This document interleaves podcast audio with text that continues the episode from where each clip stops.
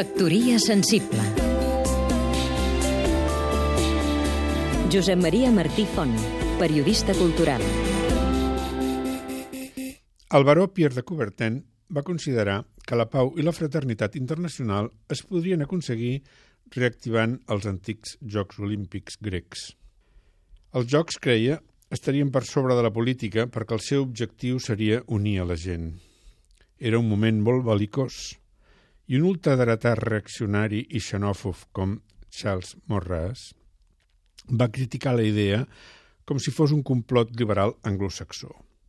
Però, després de veure els primers jocs, de seguida va canviar d'opinió quan va veure que els esports internacionals creaven una bona oportunitat per al xovinisme agressiu.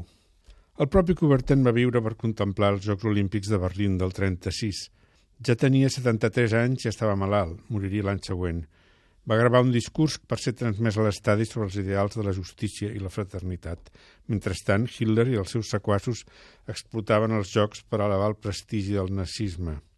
És cert que les senyals de restricció dels jueus als llocs públics es van retirar discretament per la durada dels jocs.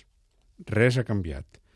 Avui en dia, el coi encara s'embolica amb la mateixa música de la politicisme, mentre que Putin utilitza els jocs d'hivern per intentar afegir brillantor a la seva Rússia autocràtica i corrupta, mentre els homosexuals i molts altres col·lectius hauran de viure sota el govern corrupte i cada vegada més despòtic de Putin quan els jocs acabin. Ja ho va dir Karl Marx, ser polítics és una forma d'idiotesa.